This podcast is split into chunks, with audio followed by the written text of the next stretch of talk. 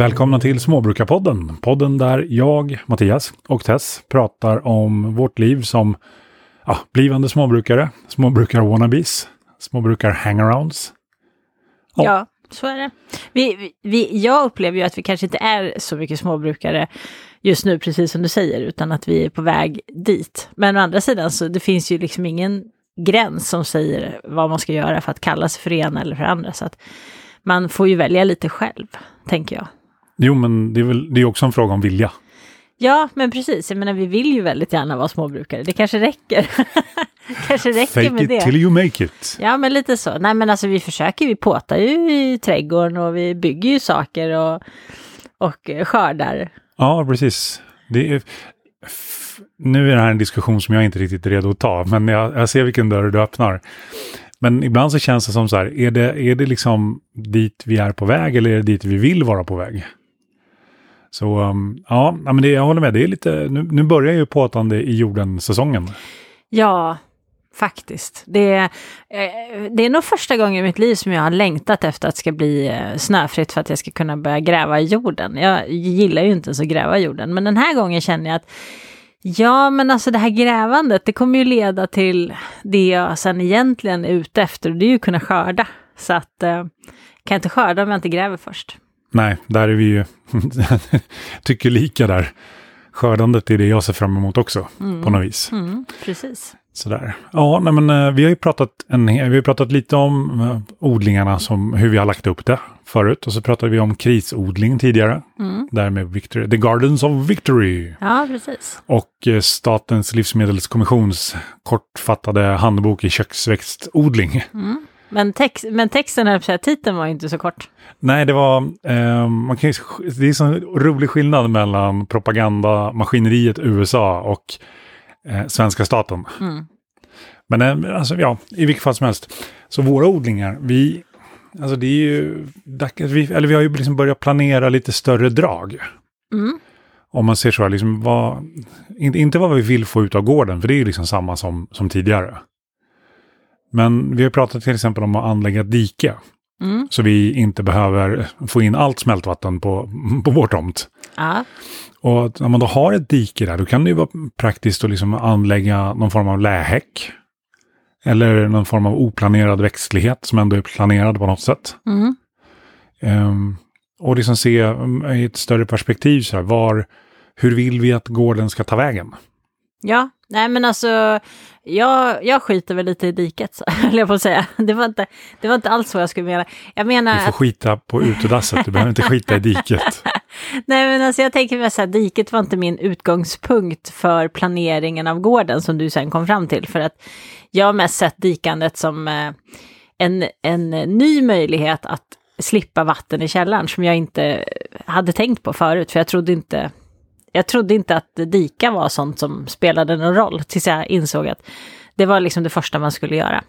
Så eh, nu tänker jag dike bara för att slippa vatten i källaren, så det är jättebra. Men eh, min utgångspunkt till det här med gårdsplanering, det har ju varit de här filmerna och föredragen och sånt som jag har sett eh, mycket genom skolan, som jag går på, men också när vi har tittat på eh, dokumentärer på tv. För Just det. det finns faktiskt jättemånga bra dokumentärer om klimat och sånt på SVT bland annat. Och vi brukar ju sitta ibland och titta igenom några stycken. Eh, och förutom att man blir ganska förfärad emellanåt över vart allting är på väg, så eh, får man också inspiration, eh, tycker jag, till saker som man kanske inte hade liksom i sin världsbild innan. Men helt plötsligt tänker man så här, fasiken så där kan man ju göra. Det kanske det såg ju rätt kul ut liksom. Jag, jag vill ju ha, min målbild av gården är ju framförallt att den ska vara rolig och lustfylld, tror jag. Mm. Eh, så att även vi som liksom lever med den hela tiden ska kunna gå ut och, och känna glädje och lust när vi kommer ut i trädgården. För att det, det är så, våran utgångspunkt är ju egentligen att ingen av oss gillar att påta jorden och odla. Nej, det kan man väl tycka vad man vill om. Det Men det går ju att vara småbrukare ändå. Ja, det gör det absolut. Och det går att odla ändå. Alltså det, allting man gör i livet ska, behöver inte vara roligt. Det, man behöver lite tråkiga saker för att uppskatta de roliga också. Men kan man göra liksom gården lustfylld så att man kliver ut ur huset och bara känner så här, oh, vad mycket saker jag skulle vilja göra nu på ett bra sätt och inte liksom så här, åh, oh, fy fan vad mycket saker jag har att göra nu. Så tänker jag att eh, det kanske blir lite enklare mentalt sett också. Att eh, inte bara komma igång utan att liksom fortsätta. Ja, du, du uttryckte det så, så kraftfullt häromdagen när du eh, upptäckte att jag har eh, beskurit häcken här utanför ganska hårt. Ja. För då sa du att det såg för jävligt ut. Ja.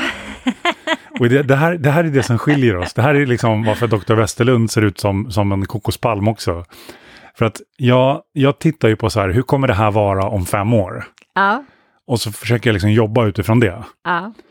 Medan du tycker bara att det ser förjävligt ut nu när, när häcken är beskuren. Ja men herregud, jag ser ju grannarna precis direkt liksom, så jag behöver inte ens försöka att se dem. De, som, är här, de som är här var tredje månad. De, de är liksom rakt in i mitt synfält nu. Eh, och, och, det har varit väldigt kallt. Men, men faktum är att det jag sa att det såg förjävligt ut, det var ju inte bara för beskärningen, utan det jag syftade på var ju att det såg förjävligt ut för att utanför huset så ligger nu, eller det låg i alla fall då ett helt upplag med alla grenar och kvistar och sånt som du hade skurit. Och sen så var det ganska grått en dag och så var det lerigt. Och det var liksom den kombon som såg förjävligt ut. Det var inte buskarna i sig. Nej. Nej, men det som händer här med buskarna nu, det är ju det att jag har ju, vi har ju rönn, hägg och syren hos oss. Och sen är, hittade jag en rosenbuske mitt, i, mitt uppe i alltihopa också. Ja, den hittade vi förra året med. Jag tror till och med att det finns två. Mm. Mm. Um, men, och sen har vi ju satt blåbärsry, mm. tre buskar. Och vi har satt två buskar med uh, sibiriska björnbär. Och en buske med lila hallon. Mm. Så vi har ju en ganska fin blandhäck precis här utanför huset. Mm. Och det jag ser, det är ju det, nu kommer ju den Rönnen, Häggen och Syrenen, de är, jag, jag beskar ju dem ganska hårt redan första året. Och sen nu har jag tagit ner dem nästan helt därför att jag ser att det kommer skott underifrån. Så de kommer ju växa. Och sen kommer de här, nu får ju blåbärstryna mycket större, prosit, nej. Sen får ju blåbärstryna mycket större utrymme att växa nu. Och samma mm. sak med björnbären, så de kommer ju bli, de kommer ju utvecklas kraftigt nu i år. Så vi kommer ha en ganska fin, fin häck här framöver. Ja, jag får lita på ditt ord för det ser inte så snyggt ut just nu. Nej, sen är det så att vi tar ju, eller vi, jag tar ju tillvara på alltihopa så att jag står ju och kvistar av eh, och, och, lägger mycket av det som blev till ved. Mm. Och resten får gå till getterna och fåren så de får äta lite. Ja, men precis. Nej, men det här med gårdsplanering, vi satt ju och pratade lite om det vid frukostbordet, våran vision för gården. För jag sa det att det är kanske dags nu, när vi går in på tredje sommaren, eh, att eh, att ändå liksom eh, börja rita upp vår vision lite grann så att vi kan få skapa oss en plan på vart vi är på väg. För även om vi två är ganska lika så är vi också väldigt olika. Oh ja. Eh, och det, jag, jag, kan tycka så att eh, det är väl ganska skönt att se att man är på väg åt samma håll. Och är man inte det så har man liksom då chans att, eh, att korrigera det innan det, innan det smäller. Om man är liksom på väg åt helt olika håll. Jo, men det, jag, jag, håller med. Det, det här är lite grann som att laga mat. Mm. För att om du bara smakar på maten när du har lagt upp den på tallriken, mm. då har det hunnit gå... Alltså om du, om du och jag ska ha en idé om en middag vi ska laga, ja. och så är det ingen av oss som smakar på maten förrän den ligger på tallriken, då kommer ju den vara väldigt, väldigt annorlunda jämfört med det vi tänkte oss. Ja, säkerligen. Och det kanske är så att vi står och lagar, lagar olika delar av rätten på olika ställen. Och då är det jättesvårt att få det här liksom att gå ihop på slutet. Mm. Och det är lite, lite samma sak här, att om vi inte har en gemensam plan så kommer jag ju dra åt ett håll och du drar åt ett annat håll. Ja, precis. Och då kommer det bli jätteklashar i framtiden när, ja men vadå, jag vill inte ha det där, men jag vill ju ha det där, det har vi ju pratat om. Mm. Så massa sådana saker. Mm. Sen får jag bara säga en, en sak till.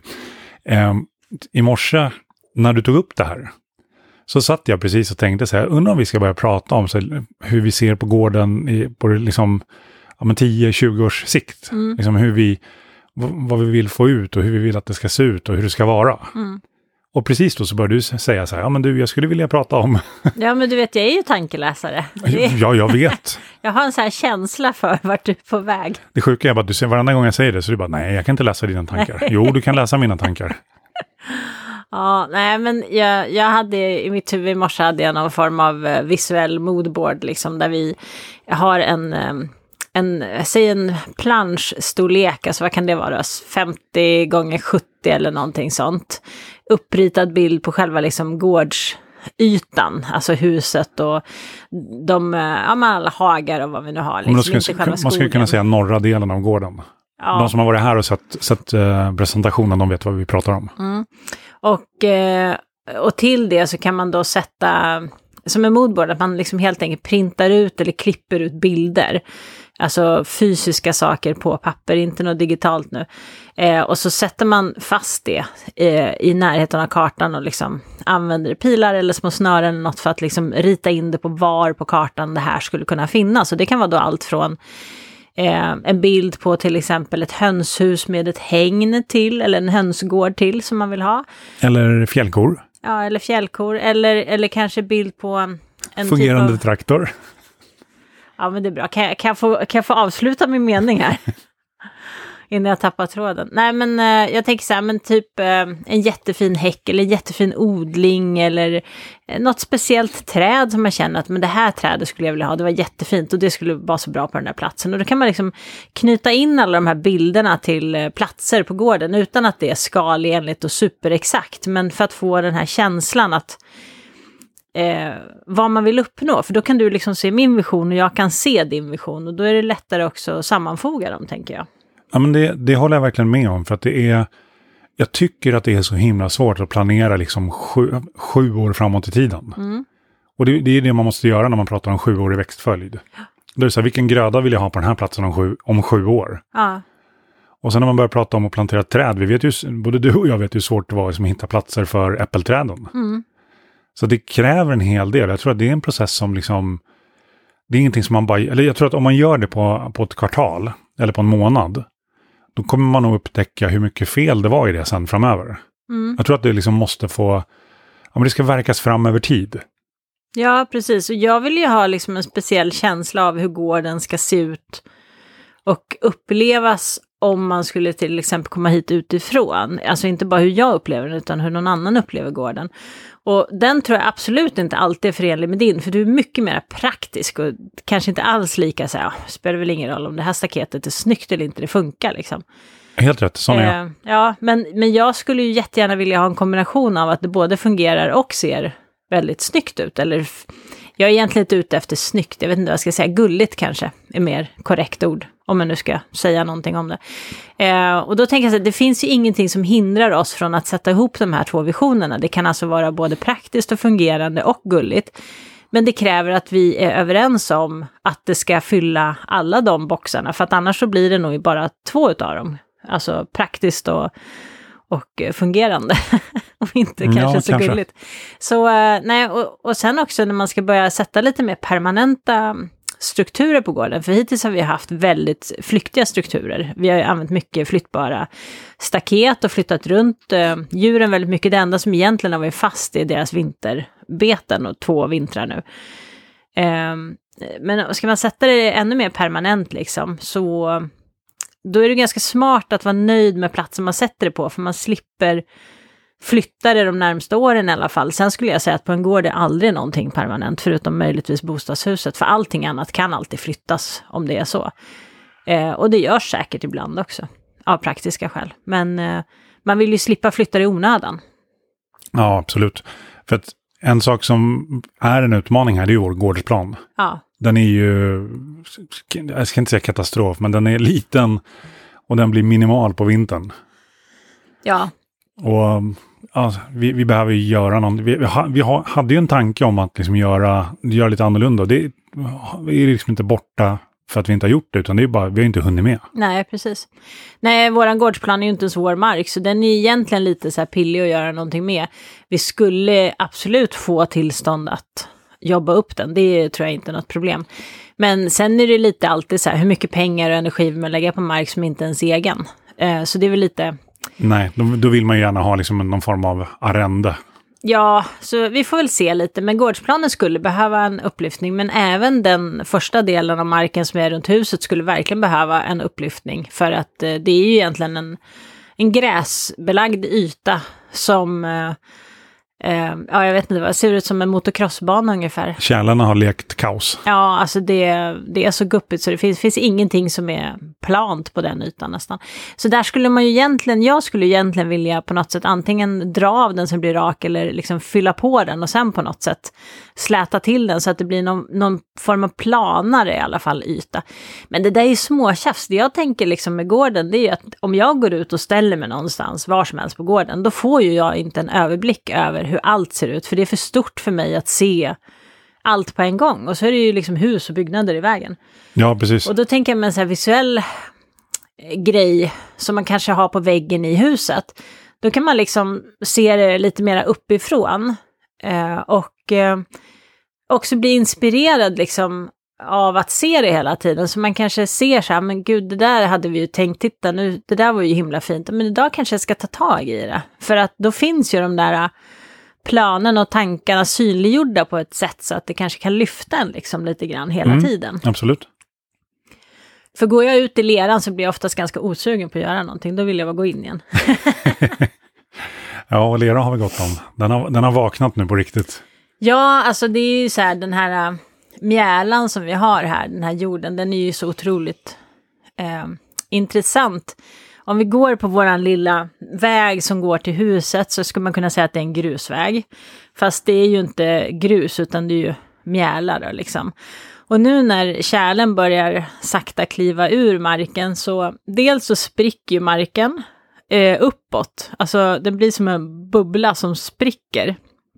Som ett bröd som jäser i ugnen och liksom öppnar upp sig när skorpan, liksom när det jäser inifrån och och skorpan har blivit hård så spricker den upp liksom.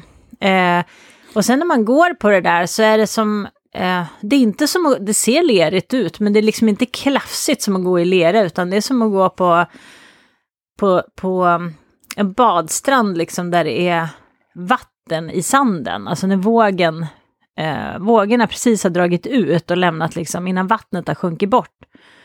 Det är lite så det känns liksom, att det är fast men ändå mjukt. Um, och sen så ibland så spricker det neråt istället och så blir det liksom en, e, en, ett hål, men det är inte riktigt som potthål utan det blir mer som gropar för det är ändå ganska mycket lera i marken. Så det är inte som sådana här potthål i asfalten som är så här stenhårda utan det blir mer som, som gropar. Eh, så att köra på den här vägen är ganska intressant. Vår bil som vi har nu, den är ju också ganska låg. Jag fattar inte varför alla bilar vi får tag i är så låga. Eh, så man kan liksom inte köra så som man tycker man ska köra på den här vägen, den är en bil bred, och då vill man liksom ligga på något sätt i mitten. Utan man får ligga med ett hjul i, i, i någon av liksom, vad ska jag säga, åkerkanterna, alltså ute i gräset, för att ha ett hjul precis på mitten av vägen. Eh, där vägen liksom är som värst, för att annars så helt plötsligt så drar hela underredet i. Så... Men eh, om vi ska prata lite mer om att planera gården. Jaha, du, du störde på min utläggning om vägen? Nej, jag vet ja. inte vart du är på väg. Nej, jag var mest eh, fastnade i det här med, med jorden och det som finns här. Hur intressant det är att den är så konstig. Ja, ah, jag förstår. Mm. Men för det, vi har ju jobbat mycket med flyttbara hängn. Ja. Och det kommer vi fortsätta göra också. Mm. Men det utesluter ju inte att man har fasta hängn också. Nej, precis. För det är nu, så vi börjar, det börjar utkristallisera sig vart vi kan ha typ risgärdsgårdar. Ja. Eller i slutändan en riktig gärdsgård också för den delen. Men det har vi inte tid till att göra just nu. Och liksom börja med att hängna in på det sättet. Mm. Och sen utifrån det liksom bygga mindre hängn. Mm. Som eh, kan vara mycket väl permanenta. Så man har liksom hage 1, hage 2, hage, alltså de har olika namn. Mm. Och sen när man har djur där så ändå sätter man el på eller man har elnät eller någonting, någonting. Mm. Det tror jag kan bli ganska bra. Ja, det tror jag absolut. Eh, och efter att jag såg en, ett föredrag om agroforestry igår så, så vill jag ju ha lite lähäckar och så vill jag ju liksom ha lite lite så här eh, häckar mitt i våra odlingar. så du kanske inte alls vill ha. Men det var jättefint på bild.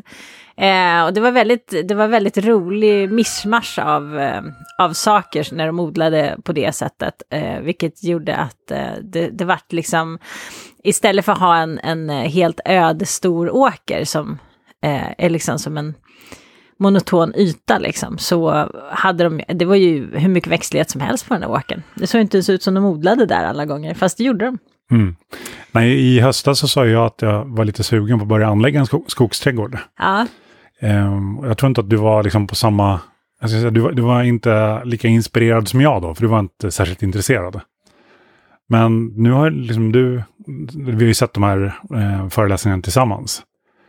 Och agroforestry eller skogsträdgård eller... Det, liksom, det, det är många fancy pansy namn på sånt som vi har gjort väldigt länge. Och senaste föreläsningen vi tittade på, han var ju ganska noga med det också, poängterade att det här är ingenting nytt, så här, så här har man gjort sedan länge. Mm. Och egentligen att man kombinerar odling av eh, grönsaker, rotsaker och spannmål med vedartade strukturer. Ja, men precis. och Det var ju så här, skogsträdgård var ju bara ett begrepp under samlingsbegreppet eh, agro agroforestry. Och skogsträdgård var ju egentligen en trädgård som var otroligt lummig. Eh, alltså det var ju en, en lite, det var ju som en trädgård, alltså det var ju inte en åkermark utan man har ett hus med en större trädgård och så blandar man växtligheten där så att det är mer som en skogskänsla än någonting annat.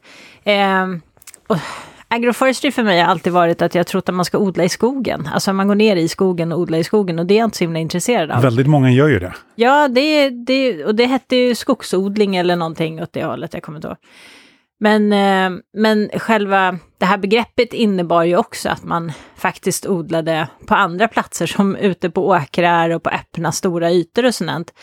Som vi också har, som inte alls är skog. Men själva anläggningen av det man skulle odla var, föll liksom under det här begreppet. Att man blandade då de här vedartade växterna med framförallt perenna växter. Det var liksom det som var hela grejen också, att det var inte bara eh, ettårsväxter utan att mycket av den här agroforestry-kulturen handlade om perenna växter för att få den här miljön som du inte behöver tillföra så mycket i och du behöver inte heller göra så mycket med den när du väl har liksom anlagt den.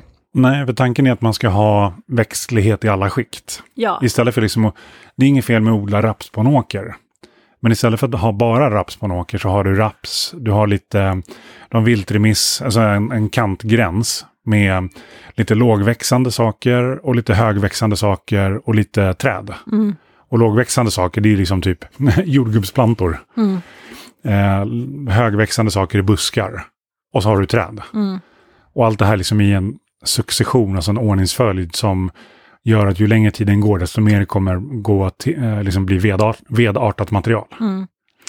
Precis, och att, att den här miljön ska lite bli så att den nästan lite sköter sig själv. Att du liksom inte ska behöva tillföra så mycket varken näring eller vatten i den.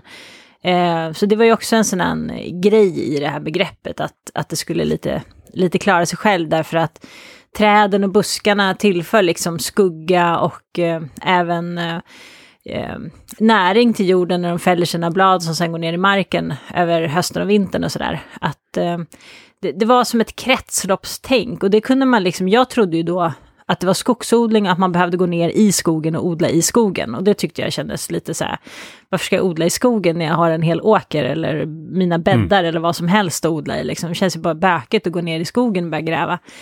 Men, men det behövde ju inte vara i skogen, att odla i skogen var ett begrepp eh, i det här. Mm, det var faktiskt en liten ögonöppnare för mig också. Mm. Just det där.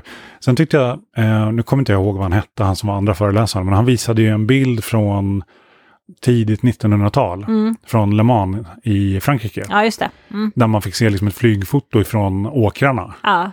Och det var ju liksom träd överallt. Ja, de var ju liksom som randiga. Det var alltså som, de hade, vad, vad ska vi gissa, de hade breda fält där de kunde så grödor som var stora nog för att de skulle kunna maskinbearbeta dem. Men mellan liksom varje eller varannan rad så hade de ju någon form av träd eller buskar så att åkrarna såg ju uppifrån lite randiga ut. För och så var, de, de var inringande med växtlighet också. Också ja, precis. Så att det var det var verkligen inte som mycket av det vi ser idag är ju en väldigt kal yta. När det inte växer någonting på åkern så är den ju väldigt kal och så är det ju ofta dikat runt. Och eh, först en bra bit utanför det så är det någon form av träd och buskar. Det är ju oftast väldigt, väldigt liksom barskrapat runt hela eh, åkern och även på åkern. Och när det odlas på åkern så är det ju väldigt, eh, bara oftast en sak. Så det kan ju vara ett stort rapsfält mm, eller, till eller exempel. Eller samma, samma sak kan man ja, säga. Ja, precis. Eh, men de här åkrarna från där eh, Frankrike tidigt 1900-tal, de var ju verkligen så att de var helt omringade av eh, växtlighet. Och även hela åkern var liksom randig utav rader med buskar alternativt träd. Mm. Och så odlade man liksom mellan det. Och träden och buskarna ger ju också skörd. Ja, Så det är, liksom, det är det man ska tänka på också. Det är inte så att man odlar bara för att, utan det, det, det är det här som jag är lite intresserad av, eller attraherad av. Det är att allting har ju ett syfte. Istället för liksom tillföra frön, istället för tillföra gödsel, istället för tillföra pesticider så odlar man saker som tillsammans blir ett livskraftigt ekosystem. Ja, precis. Och det var faktiskt första gången igår också som jag hörde, han pratade om hamling, att de hamlade en del träd som de hade i samband med till exempel åkrar och sådant. Eh, och jag har ju hört dig prata om hamling väldigt många gånger, men annars har jag aldrig hört liksom riktigt i vilket begrepp man har använt det Mm. eh, förr i tiden. Men eh, det är ändå ganska logiskt att förr i tiden, eh, om de hade åkrar där de hade mycket träd och sånt, så hade de ju sådana träd som hade löv som var bra som foder. Och så hamlade de de träden för att de inte skulle bli för stora och för höga och svåra att jobba med. Liksom. Eh, och då kunde man dels både skörda alla grödorna som man, som man sådde, och dels kunde man ju då skörda foder till sina djur varje år, bara för att träden stod där. Och träden de eh, hjälpte ju till så att grödorna fick kanske lite mera lä och kanske lite mera skugga. Så att inte jorden torkade ut så mycket så man fick bättre skördar. Eh, och de löven som var kvar på träden efter man hade hamlat när det var höst, de följde ner marken och blev ju näring till jorden. Liksom. Så att det, egentligen så är det ganska logiskt, men vi har ju så stora maskiner idag. Så, och allting ska gå så snabbt och enkelt och vara så himla effektivt. Så det har ju blivit någonstans enklare och billigare att eh, ta bort allt runt omkring för att kunna bara ta en stor maskin sen och så och eh, harva och skörda och allt på en och samma gång, bara köra liksom och, och gödsla som fan för att få liksom en, en bra skörd. Eh, men, men- jo, men det är idag- ju inte så hållbart. Nej, men vi räknar ju effektivitet idag liksom på ton skörd per utsäde, Ja. eller per hektar. Och då går det inte att ha träd i vägen. Nej, För traktorn måste ju köra runt träden. ja, Och står det ett träd på marken så kommer det skugga. Ja. Och där det skuggar så växer det inte lika bra som det skulle ha gjorts som på andra platser. Eh, om man tänker kortsiktigt. ja, precis. Tänker man lite långsiktigare eh, så ser vi ju att idag så är jordflykt någonting som är en realitet. Mm. Det vill säga att när det blir torrt och det börjar blåsa så blåser matjorden iväg. Ja. Alltså veritabla sandstormar som vi, har, som vi har haft i Sverige till och med. Ja, det är helt sjukt. Och även erosion i form av att eh, jorden försvinner ner i vattendrag och sånt, i och med att det är så lite växtlighet som binder jorden på sin plats. Så om det regnar väldigt mycket så skjutsas jorden ner med vattnet ner i vattendrag och så försvinner den den vägen. Så för det småskaliga jordbruket eller lantbruket så är det här ju liksom mer, det kanske inte ger samma skörd per hektar som en stor läggdeodling där man eh, odlar som framodlat spannmål och gödslar och så. Men det ger ju skörd på, i flera olika dimensioner. Mm. Och det minskar också risken för ja, men torka eller k- frostknäppar eller blåst eller allting sånt. Mm. Och det minskar, eh, minskar nödvändigheten av tillsatt konstgödselmedel till exempel. Ja, tillsatta saker. Ja, precis. Nej, och det, det ska man ju komma ihåg att vi pratar ju väldigt sällan ur perspektivet eh, industriell storodling. Liksom. För att vi jobbar ju absolut inte på det sättet, utan vi odlar ju jättegärna äldre sorter eh, med saker som inte finns så mycket av längre, som absolut inte ger kanske lika stora skördar, men som har andra stora fördelar som kanske bättre rotsystem eh, och eh, högre pålitlighet i ett kargare klimat och så vidare, och som inte är, är framtagna för att bara maximera skörden, liksom, utan som också eh, funkar bra för att eh, behålla jorden och förstärka jorden liksom, på sikt.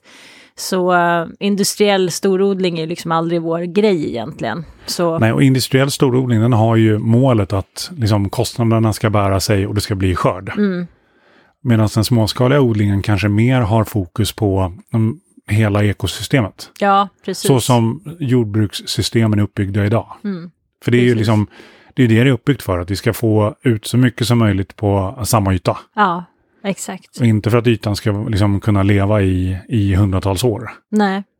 Nej, men jag, jag kände att det väckte någonting i mig det här när jag insåg att jag behövde inte gå ner i skogen för att odla en, eh, odla liksom eh, som jag trodde någon form av skogsodling, utan man kunde liksom lyfta ut det även på en åker. Det tyckte jag var väldigt intressant. Det hade Faktiskt. absolut inte slagit mig att, att man kunde liksom eh, använda en helt eh, plan, eh, tom yta och bygga sitt eget lilla skogsliknande landskap, om man nu ska uttrycka sig på det sättet, och då samtidigt gynna precis allt. Du, du jobbar för att jorden ska bli bättre, du jobbar för att djuren ska ha det bättre, du jobbar för mångfalden, eh, du jobbar för alla insekterna och så vidare.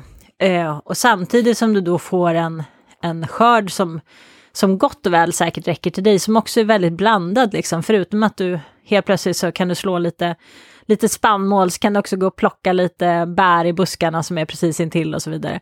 Jag tyckte den idén var jäkligt läcker faktiskt. Mm, nej, men jag håller med. Jag gjorde ju faktiskt nästan så förra året. Mm. Jag sådde ju lin eh, mitt på läggdagen. Ja.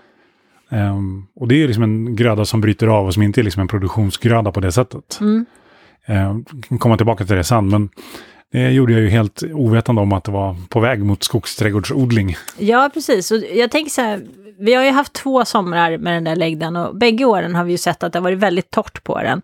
Eh, det har ju... Den, den, är extrem åt alla håll. Ja, det, det, har ju såklart med vädret att göra, det ska jag inte säga någonting om. Det kommer ju säkert vara något, någon sommar som är superblöt och så är allting jätteblött. Men jag skulle säga övervägande har det varit väldigt torrt på läggdan och vi har känt behovet av att vattna för att det ska bli någonting överhuvudtaget. Och det skulle jag väldigt gärna vilja slippa. Jag, skulle, jag har inget emot att vattna i, i mindre skala, men eh, men när det kommer liksom till en, en större åkerplätt så känns det synd att behöva vattna den, för det går åt kopiösa mängder vatten för sånt. Så om jag kunde på något sätt bygga den så att vi slapp vattna i större utsträckning så skulle jag vara otroligt tacksam. Faktiskt. Mm, jag tycker det skulle kännas jättebra. Sen lutar ju den där lite åt alla håll. Eh, och då tänker jag ju någonstans också att erosion är ju absolut en möjlighet att, att jordlagret liksom lite rinner av om det skulle komma en sommar som var till exempel enormt mycket regn och vi inte får upp någon växtlighet så tror jag att det skulle kunna rinna ner lite jord, för den lutar ganska brant ibland sådär. Så kan man liksom odla någonting redan nu som förhindrar att det blir så om det blir ett superdåligt väder liksom, så är ju det ganska smart, för det är lite svårt att sätta plantorna mitt i stormen. Då är man liksom lite sent ute, ja, tänker faktiskt. jag. Så att det kan ju vara bra att tänka på att även om man tänker att det där är väl inte en, ett problem på 50 års sikt så, så betyder det ju inte att man inte ska göra någonting åt det redan nu om man har möjlighet till det. Plus att sätter man då buskar som man kan få skörd ifrån så men det är ju jättenice med ännu mera bärbuskar. Det är ju bara en bra orsak att, att plantera dem liksom. Faktiskt, det är det verkligen.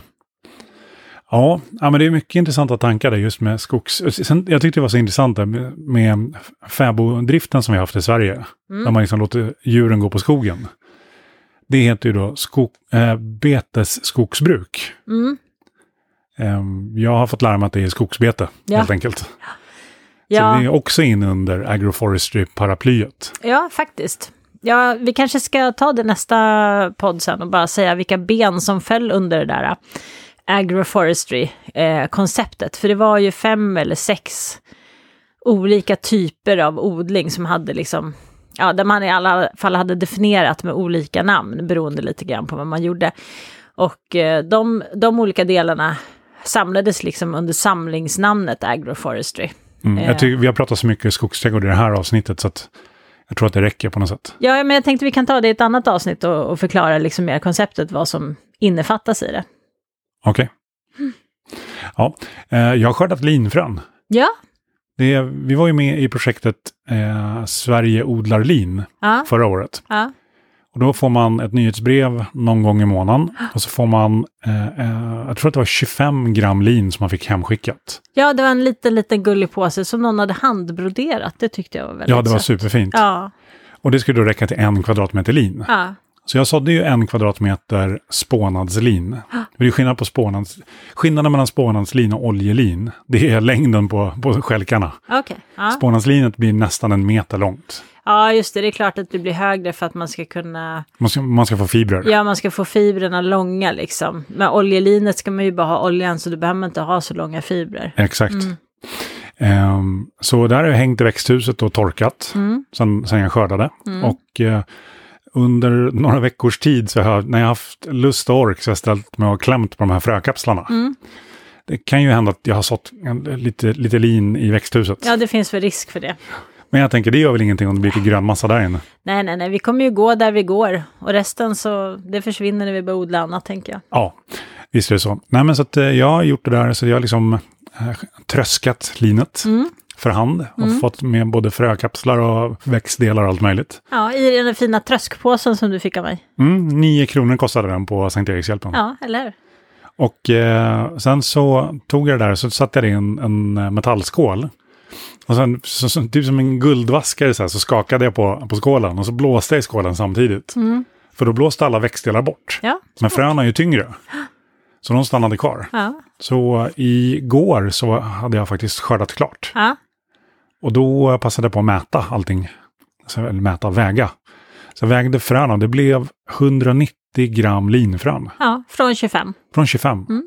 Så det är en åttadubbling Mm. nästan. Mm. Det, är Det är ganska, jättebra. det är ganska åtta gånger utsädet. Ja, vi kan så hur mycket lin som helst i år. Ja, men eh, jag har ju tillsammans med grannen ska vi börja odla på en yta. Den som är bortanför det lilla, lilla huset som är. Ehm, där ska vi så lite grann. Och där tänkte jag att lin blir jättebra. Ja, Och samma sak, så lite valda delar här. För att li, eh, spånadslin är sånt, när man skördar det, då rycker man upp det med rötterna. mm. Det går jätteenkelt att bara dra upp. De, de har väldigt grundliga, eller grundliga, de har låg, eh, korta rotdelar. ja, Eh, men det blir fint när de växer. ja, Och sen, de är ju ganska ogräshärdiga, så de kommer slå ut lite ogräs också. Det är bra. Vilket gör att eh, vi blir av med lite hundkex. Mm. Vilket alltid är bra. Ja. Så jag tänkte strössla det på lite så här lämpliga ställen. Ja, men det låter bra det. Det tycker jag låter bra. Mm. Mm. Så länge du inte strösslar dem där jag inte vill ha dem, så är jag nöjd. Jag ska inte strössla dem där du inte vill ha dem. Mm. Bra. Jag tänker att det är dags att sluta nu, för eh, du ska iväg. Jag ska iväg på att mötas. Precis. Jag är en superbusy, viktig person, så jag har viktiga möten där jag möter. Eller hur? Och jag har så himla ont i min kropp så jag har svårt att sitta still känner jag. Jag sitter här och försöker att vrida mig utan att det ska höras. Ja, Okej, Så eh, jag behöver röra på mig. då säger vi så här, vi möts igen. Ha det bra. Hej då. Hej då.